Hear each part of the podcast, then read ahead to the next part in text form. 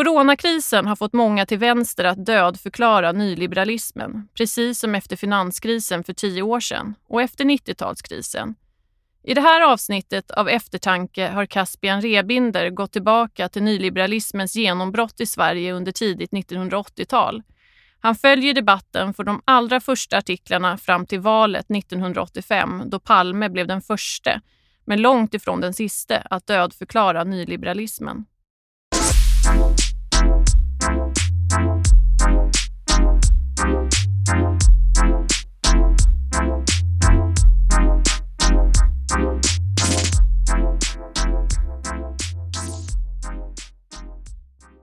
Första gången nyliberalismen dog. En essä av Caspian Rebinder för Timbro förlag. Nyliberalismen kom till Sverige 1980.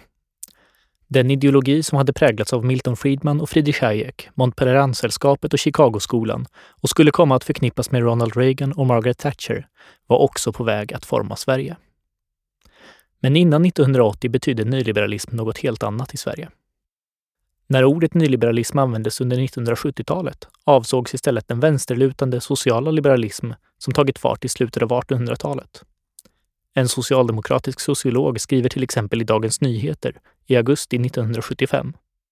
Det är en vanlig missuppfattning, tidvis varmt omhuldad också av socialister, att liberalismen är principiellt statsfientlig.